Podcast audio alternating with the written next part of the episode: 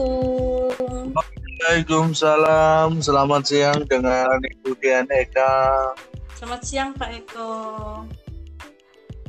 Uh, terima kasih Bu Dian Eka yang mau bergabung dengan podcast saya pada episode kedua kita bincang-bincang santai antara Jawa dan Borneo. Iya, iya, betul betul. Uh, sebelumnya bagaimana kabarnya Bu Dianeka di Borneo? Apakah siang ini hujan sangat deras seperti di kami di Gresik, Jawa Timur hujan deras? Hmm, Alhamdulillah sih sekarang sudah cerah, terang benderang gitu ya kan. Tadi pagi sih sempat hujan, tapi tidak sederas biasanya. Kalau di Balikpapan sih akhir-akhir ini banyak perangnya, jadi terlalu banyak hujan. Ini sudah panas sekarang. Oh, sekarang jadi musim panas ya di sana ya? Iya. Kalau udah panas, panas banget di sini. Ah. Uh, Oke, okay, terima kasih Bu Dianeka pada kesempatan kedua perjumpaan kita pada siang ini. Kita akan membicarakan uh, berkenaan dengan materi tentang uh, Hindu Buddha, teori-teori masuknya agama Hindu Buddha ke Indonesia dan kerajaan-kerajaan Hindu Buddha yang ada di Nusantara. Ah iya iya iya. Pas kerajaan pertamanya ada di daerah saya ya. Oke. Okay. Uh, eh, terima kasih. Uh, sebelumnya saya akan sampaikan uh, biodata dari Ibu Dian Eka, nama lengkap Ibu Dian Eka Pratiwi, SPD, lahir di daerah Tarakan, Kalimantan Utara, dan eh, salah satu pengurus jangan sebutin tanggal Sal lahir ya? Enggak salah satu pengurus uh, aksi pusat uh, di Jakarta. Dan tentunya adalah Budianeka ini adalah teman satu angkatan saya waktu di pendidikan sejarah Universitas Negeri Malang. Tahun 2001 ya? Iya iya Pak. Nah, Oke. Okay. Sampai 2006 ya. Ya sampai 2006. Jadi sebenarnya cuma kita beda offering ya. Benar benar. Saya offering saya offering B, Bu Janeka mungkin offering A ya. Iya, offering ancur itu. Oh, ancur. uh, sahabat-sahabat teman aksi seluruh Indonesia, ini adalah uh, perjumpaan kita dari teman lama yang akhirnya bisa bersua di forum webinar aksi ketujuh dengan materi podcast sehingga bisa mempertemukan kami yang cukup terpisah mulai 2006 sampai 2020 ya. Sudah ya, cukup betul. lama ya. Hmm, betul. Sudah 14 tahun ya kita enggak. Iya, 14 tahun. Dan kita masih belum bisa untuk uh, melakukan reuni secara tatap muka atau kopi darat ya. Benar. berkali-kali jadi nggak bisa jadi jadi di forum aksi ini eh, kami sangat beruntung bisa bersua lewat daring dan tentu saja saya apresiasi kepada Ibu Ketua Pelaksana Aksi eh, Panita Webinar eh, dan Mas Sumardiansa Perdana Kusuma selaku Ketua Aksi yang semakin hebat dan semakin uh, memberi warna tersendiri dalam pembaruan di mata pelajaran sejarah ya. Betul betul mas. Uh, sebelum masuk materi, kira-kira apa pesan dan kesan dari Ibu Deneka selaku pengurus aksi pusat di Indonesia untuk teman-teman sejarah seluruh Indonesia? Hmm, kalau saya sih karena saya di bagian uh, humas ya, di bagian humas, habis itu juga multimedia bersama dengan Bang Endar, habis itu Mas Aris, Mas Tofi dan sebagainya. Saya cuma ingin menubah ingin memotivasi teman-teman sejarah yang lainnya khususnya dan teman-teman guru yang lainnya pada umumnya untuk terus melatih skill-skill lain untuk kita pembelajarannya. Karena e, semakin kita punya skill yang baik kita juga akan semakin banyak warna dalam pembelajarannya. Dan terlebih lagi untuk guru sejarah kita buktikan nih bahwa sejarah itu adalah materi yang urgensinya sangat penting untuk uh, pendidik. Bukan masalah kita itu uh, nanti nggak ada uang. Inilah ini enggak tetapi uh, pendidikan karakter itu lebih banyak itu di dalam sejarah. Dan sejarah itu sebenarnya tidak hanya mengajarkan tentang peristiwa, tetapi lebih kepada karakter dari si tokoh ataupun peristiwa tersebut untuk kita analisis, kita ambil hal-hal baiknya, kita ambil keteladanannya untuk kita melangkah ke masa yang akan datang. Karakter-karakter nasionalis, karakter-karakter sejarawan, bangsawan itu iya. kita tanamkan itu di generasi sekarang melalui pelajaran sejarah dan sebaiknya kita semakin membuat sejarah itu menyenangkan begitu sih Mas Eko nggak lagi bosenin oh. lah ceritanya Oke, okay, iya, terima kasih. Jadi jawabannya cukup uh, bagus dan bijaksana dari Ibu Dian Eka. Memang benar Bu Dian Eka bahwa mata pelajaran sejarah Indonesia adalah salah satunya uh, mapel yang bisa mem membentuk karakter kepribadian nasionalisme religius religiusis religiusitas ya. dan tentunya adalah uh, seperti di SMK saya analogikan di SMK apa yang disampaikan oleh Bapak uh, Dirjen Vokasi Bapak Wikan Sakarinto PhD mm-hmm. yang mengatakan bahwa pembentukan karakter soft skill itu adalah poin penting utama di dalam dunia usaha dunia industri selain integritas, nasionalisme, kejujuran dan tentunya adalah attitude yang bagus sehingga lulusan-lulusan dari SMK bisa banyak terserap di dunia usaha dunia industri itu salah satu peran serta dari urgensi mata pelajaran sejarah Indonesia. Iya, berarti uh, seharusnya yang di SMK itu juga selalu ada ya, nggak nggak cuma kan kalau yang kabar-kabar sekarang itu kan SMK dihilangkan sama sekali ya untuk pelajaran itu kan.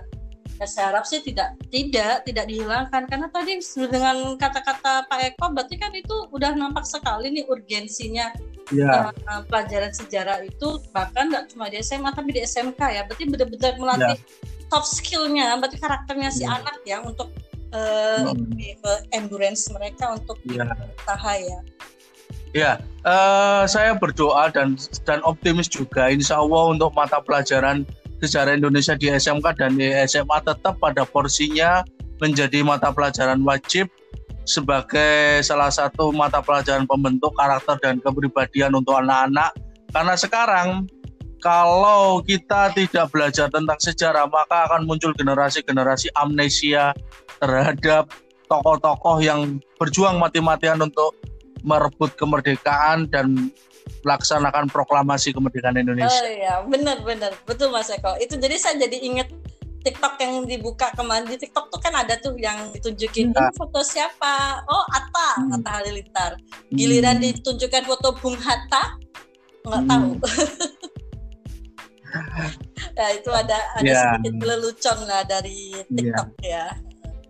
Oke Bu Dianeka kita kembali pada konten materi kita ya, tentang teori-teori masuknya agama Hindu Buddha di Indonesia.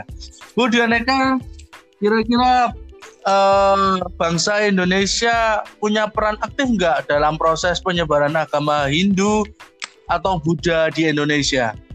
Oh ya, kalau kita melihat tentang teori masuknya Hindu Buddha itu kan ada beberapa teori ya yang kita yeah. kenal ya. Pertama itu ada teori Brahmana. Ya. Yeah. kan habis itu itu yang di situ bahwa Brahmana lah yang membawa dan mengenalkan agama Hindu ke Indonesia ya kan? Lalu yeah, ada, betul. Uh, habis itu juga ada teori Satria. Ya. Yeah ada penaklukan atau ada pembentukan wilayah kekuasaan hmm. kerajaan dari India ke wilayah Indonesia semacam itu yeah. lalu yeah. ada juga tentang teori Waisya yang pedagang mm. yang membawa mereka yang membawa uh, membawa sambil berdagang membawa agama membawa dan mengenalkan mm. agama Hindu ke Indonesia lalu ada juga teori Sudra ya tetapi kalau kalau kita lihat itu kan dari yang luar ke Indonesia ya. Ya. Kemudian dari India ke Indonesia. Sedangkan pertanyaannya Pak Eko kan bagaimana apakah Indonesia ada? Justru ya. ada sih, justru ada. Itu ada namanya teori arus balik atau teori nasional. Hmm. Teori nasional atau teori arus balik. Jadi saya pikir seperti ini. Uh, ketertarikan ya sebab akibat ya seperti ini. Kalau hmm. misalnya yeah Walaupun di dalam buku-buku mengatakan bahwa teori yang kuat adalah teori Brahmana dan teori Waisa. Oke okay lah kalau Waisa. Ya, Waisa sama Brahmana kan itu kuat kan ya. Uh, para pedagang yeah. sama para uh, pedagang ya memang itu kuat kalau kita lihat dari unsur uh, Hindu yang dikenalkan dan yang dibawa dari India ke Indonesia. Hmm. Tetapi sebenarnya kita juga harus lihat juga uh, orang-orang Indonesia itu punya andil besar nggak? Oh sangat sangat besar satu, mm-hmm. kan tidak ada ketertarikan dari si orang Indonesia sendiri untuk belajar. Apakah bisa dipelajari? Apakah bisa diterima yeah. dengan baik? Satu. Yeah. Jadi di sini ada pertama dulu dari si Brahmana yang membawa ataupun pedagang yang membawa butuh namanya interest. Berarti ada suatu ketertarikan. Ketertarikan dari si uh, Indonesia sendiri, ya kan? Ya. Yeah Nah, setelah tertarik, akhirnya dia berusaha untuk mencari tahu kan. Ya seperti kalau hmm. kita uh, sudah pengen tahu kepo lah istilahnya anak-anak sekarang, ya. pasti kan kita pengen tahu lebih banyak.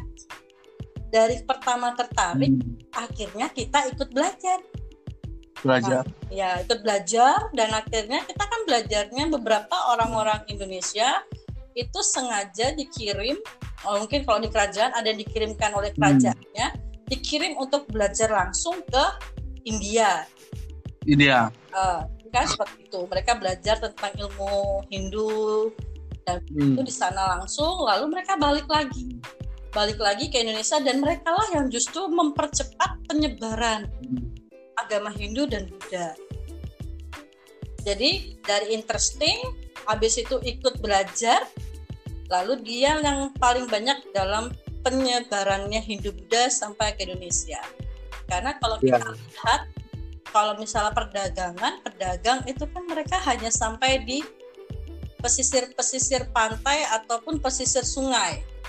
Sedangkan hmm. Hindu Buddha itu banyak juga sampai ke daerah pedalaman. Contohnya nih, kerajaan mana tuh yang di Jogja itu? Kerajaan Kerajaan Mataram, kuno. Ya, kerajaan Medang. Betul, Mataram kuno itu kan jauh dari pantai, jauh dari sungai besar untuk perdagangan ya. Ya. Walaupun memang ada sungai-sungai yang bisa dialiri, tetapi kalau kita lihat dari lajunya perdagangan yang biasa di pinggir pantai atau pinggir sungai, kan termasuk agak pedalaman tuh dua kerajaan ya. itu. Tapi buktinya sampai sana kan. Ya. Penyebaran Hindu Budanya bahkan kuat sekali di sana dan peninggalan-peninggalannya luar biasa jadi saya pikir kalau tidak ada andil dari orang Indonesia sendiri atau pribumi-pribumi sendiri yang hmm. ikut belajar, lalu mereka yang menyebarkan, saya pikir tidak akan segitunya. Berarti kan kalau ya. nggak ada pribumi ya berarti hanya sampai penyebarannya hanya sampai di sepanjang pinggir pantai aja ataupun pinggir sungai gitu aja. Ya. Itu menurut pemikiran ya. Ya, sangat betul sekali dengan jawaban dari Bu Eka. Jadi uh, selain bangsa Hindu yang aktif menyebarkan agama, uh, selain bangsa India yang aktif menyebarkan agama Hindu ke Indonesia, bangsa Indonesia juga berperan serta aktif dalam mengirimkan uh, para pemuda-pemudanya untuk belajar agama Hindu ke India, kemudian kembali lagi ke Indonesia dan menyebarkan agama Hindu Buddha ke Indonesia. Itu sama yang disampaikan oleh Budaneka yaitu teori arus balik atau teori klux ya. Uh, dan salah satu buktinya yaitu banyak bermunculan asrama-asrama yang mengajarkan agama Buddha di Nalanda di daerah Sriwijaya. Sriwijaya menjadi pusat penyebaran agama Buddha di Indonesia dan seluruh kawasan di Asia Tenggara. Nah, pertanyaan berikutnya Buddha Neka, eh, kira-kira kalau tadi teori-teori penyebaran agama Hindu ada Brahmana, Ksatria, Waisa, dan Sutra dan sebagainya. Uh, lalu penyebaran agama Buddha ke Indonesia itu melalui cara apa ya? Kalau agama agama Buddha ya? Ya. Kalau agama Buddha itu ada perbedaan sih. Jadi kalau Hindu Buddha, kalau Buddha itu setiap uh, setiap namanya Dharma Duta ya kalau nggak salah itu. Ya. Dharma Duta betul. Betul. Jadi setiap jadi kalau di Buddha itu siapa siapa saja yang mengenal untuk mengenal Buddha, mengenal uh, agama Buddha atau keyakinan Buddha, mereka wajib wajib untuk menyebarkan. Kalau di Hindu kan nggak ada hukum wajib untuk disebarin ya. ya. Ya. Tapi kalau si Buddha itu wajib, wajib banget. Sama Hmm. seperti Islam, kalau kamu udah kenal Islam pada saat Ya. awal-awal dakwah ya, itu kalau Hmm. udah kenal Islam, ayo segera berdakwah untuk yang lain. Jadi kalau di Buddha itu sama, sama seperti itu. Jadi setelah saat dia udah belajar tentang Buddha, memahami tentang Buddha, lalu Hmm. mereka mempraktikkannya secara itu, jadi mereka punya kewajiban untuk menyebarkan seperti itu. Jadi namanya Dharma Duta. Jadi memang setiap Ya. individu itu tidak terbatas kasta, tidak terbatas usia, Hmm. pokoknya pasti dia kenal Buddha, dia memahami Buddha di mana pun dia Hmm. berada, maka dia berusaha untuk menyebarkan. Itu yang saya Ya. eh, baca ya dan hasil dari membaca itu untuk agama Buddha. Kalau Hindu kan Jadi yang eh, pandangannya disampaikan Budana itu memang jadi eh, media penyebaran agama Buddha itu ada dua, satu melalui para pedagang-pedagang yang beragama Buddha, dan yang kedua adalah orang-orang yang ditugaskan khusus untuk menyebarkan agama Buddha karena orang-orang tersebut memiliki keahlian dan pemahaman tentang ilmu agama Buddha yang disebut dengan Dharma Duta.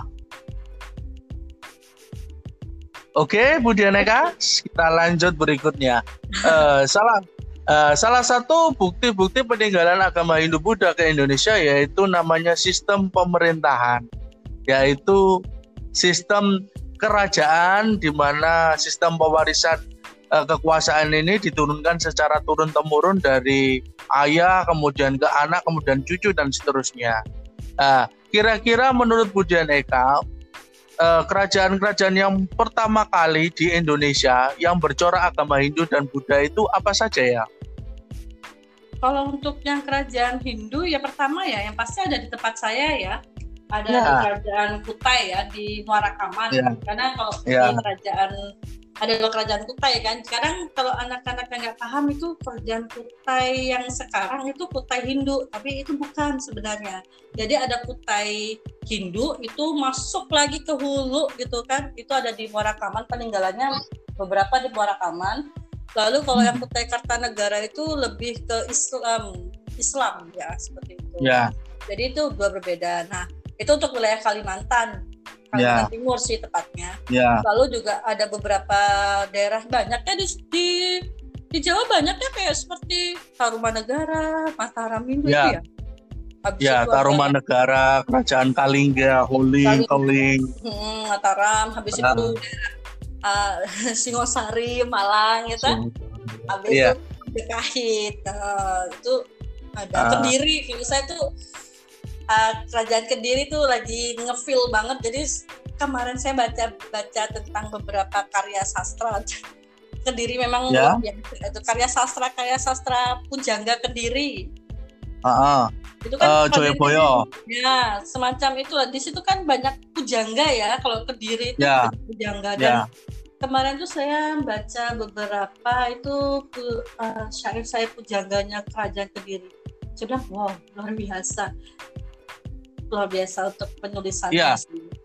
iya. Oke, terima kasih. luar biasa Iya. Eh, apa sih makna yang bisa diambil, yang bisa dipelajari oleh para generasi muda, para pelajar-pelajar kita saat ini eh, tentang eh, akulturasi kebudayaan di Indonesia, di mana terjadi banyak akulturasi antara kebudayaan sebelum Hindu Buddha, yaitu pra Hindu Buddha dengan adanya Hindu Buddha yang bisa tetap eksis dan lestari sampai sekarang kiat-kiatnya seperti apa Bu Deneka? yang pasti sih ah, kalau kita nih kebudayaan Indonesia ini kebudayaannya luar biasa banyak hal dan itu adalah hasil dari akulturasi budaya ada adaptasi budaya iya habis itu ada pokoknya internalisasi budaya Hmm. iya nah semacam itu jadi yang penting gini akulturasi oke bagus. Ba- untuk yang pemuda sekarang kita mencontoh melihat dan mencontoh kebudayaan-kebudayaan di luar sih bagus. Tapi kita harus punya filternya penyaringnya. Hmm. akulturasi boleh tetapi jangan menghilangkan tradisi-tradisi asli tradisi-tradisi timur yang kita miliki. Jadi namanya filter budaya itu harus ada. Contoh nih yang sedang ngehit itu kan Hallyu Wave kayak K-pop Ya, gitu kan termasuk saya juga suka dengan K-pop juga drakor kita ambil sisi positif sih dari beberapa hal yang semacam itu baik itu di uh, Korea, Cina ataupun Jepang. Habis itu ada beberapa budaya-budaya asing yang masuk gitu. Iya. Gak apa-apa kita mengambil, tetapi memang kita harus ada filternya, sesuaikan dengan budaya asli Indonesia. Nggak asal tabrak, nggak asal ambil, nggak asal comot gitu sih. Oh. Saya rasa seperti yeah. itu. Kan anak-anak okay. cuma uh. doang, pakai doang, tapi uh -uh. Oke, itu adalah pesan dan amanat singkat dari Ibu Dian Eka selaku pengurus aksi pusat bahwa memang harus pinter-pinter uh, memfilter terhadap budaya-budaya asing yang masuk ke Indonesia dan tanpa harus menghilangkan jati diri kepribadian bangsa Indonesia. Karena budaya Indonesia adalah budaya yang adiluhur, budaya yang uh, pantas untuk selalu menjadi kepribadian bangsa Indonesia. Kira-kira seperti itu ya Bu Daneka? Bener banget Pak Eko. Ah, Oke, terima kasih itu teman-teman, sahabat-sahabat semua aksi dari Sabang sampai Merauke dan seluruh siswa-siswi eh, baik di mana pun. muridnya, siswanya Bu Janeka di mana pun Anda berada, itu adalah bincang-bincang kita singkat dengan Ibu Dianeka salah satu pengurus aksi pusat masih banyak manfaat yang perlu kita gali-gali bersama dan tentunya bisa bersua kembali di perjumpaan podcast-podcast selanjutnya. Terima kasih, salam kami, salam Terima persaudaraan kasih, untuk Bu Dianeka semoga sukses selalu Amin. dan tentunya harapan-harapan ya harapan-harapan besarnya segera terkabul oleh Allah Subhanahu wa taala. Terima kasih, selamat siang dan Assalamualaikum warahmatullahi wabarakatuh. Waalaikumsalam warahmatullahi wabarakatuh.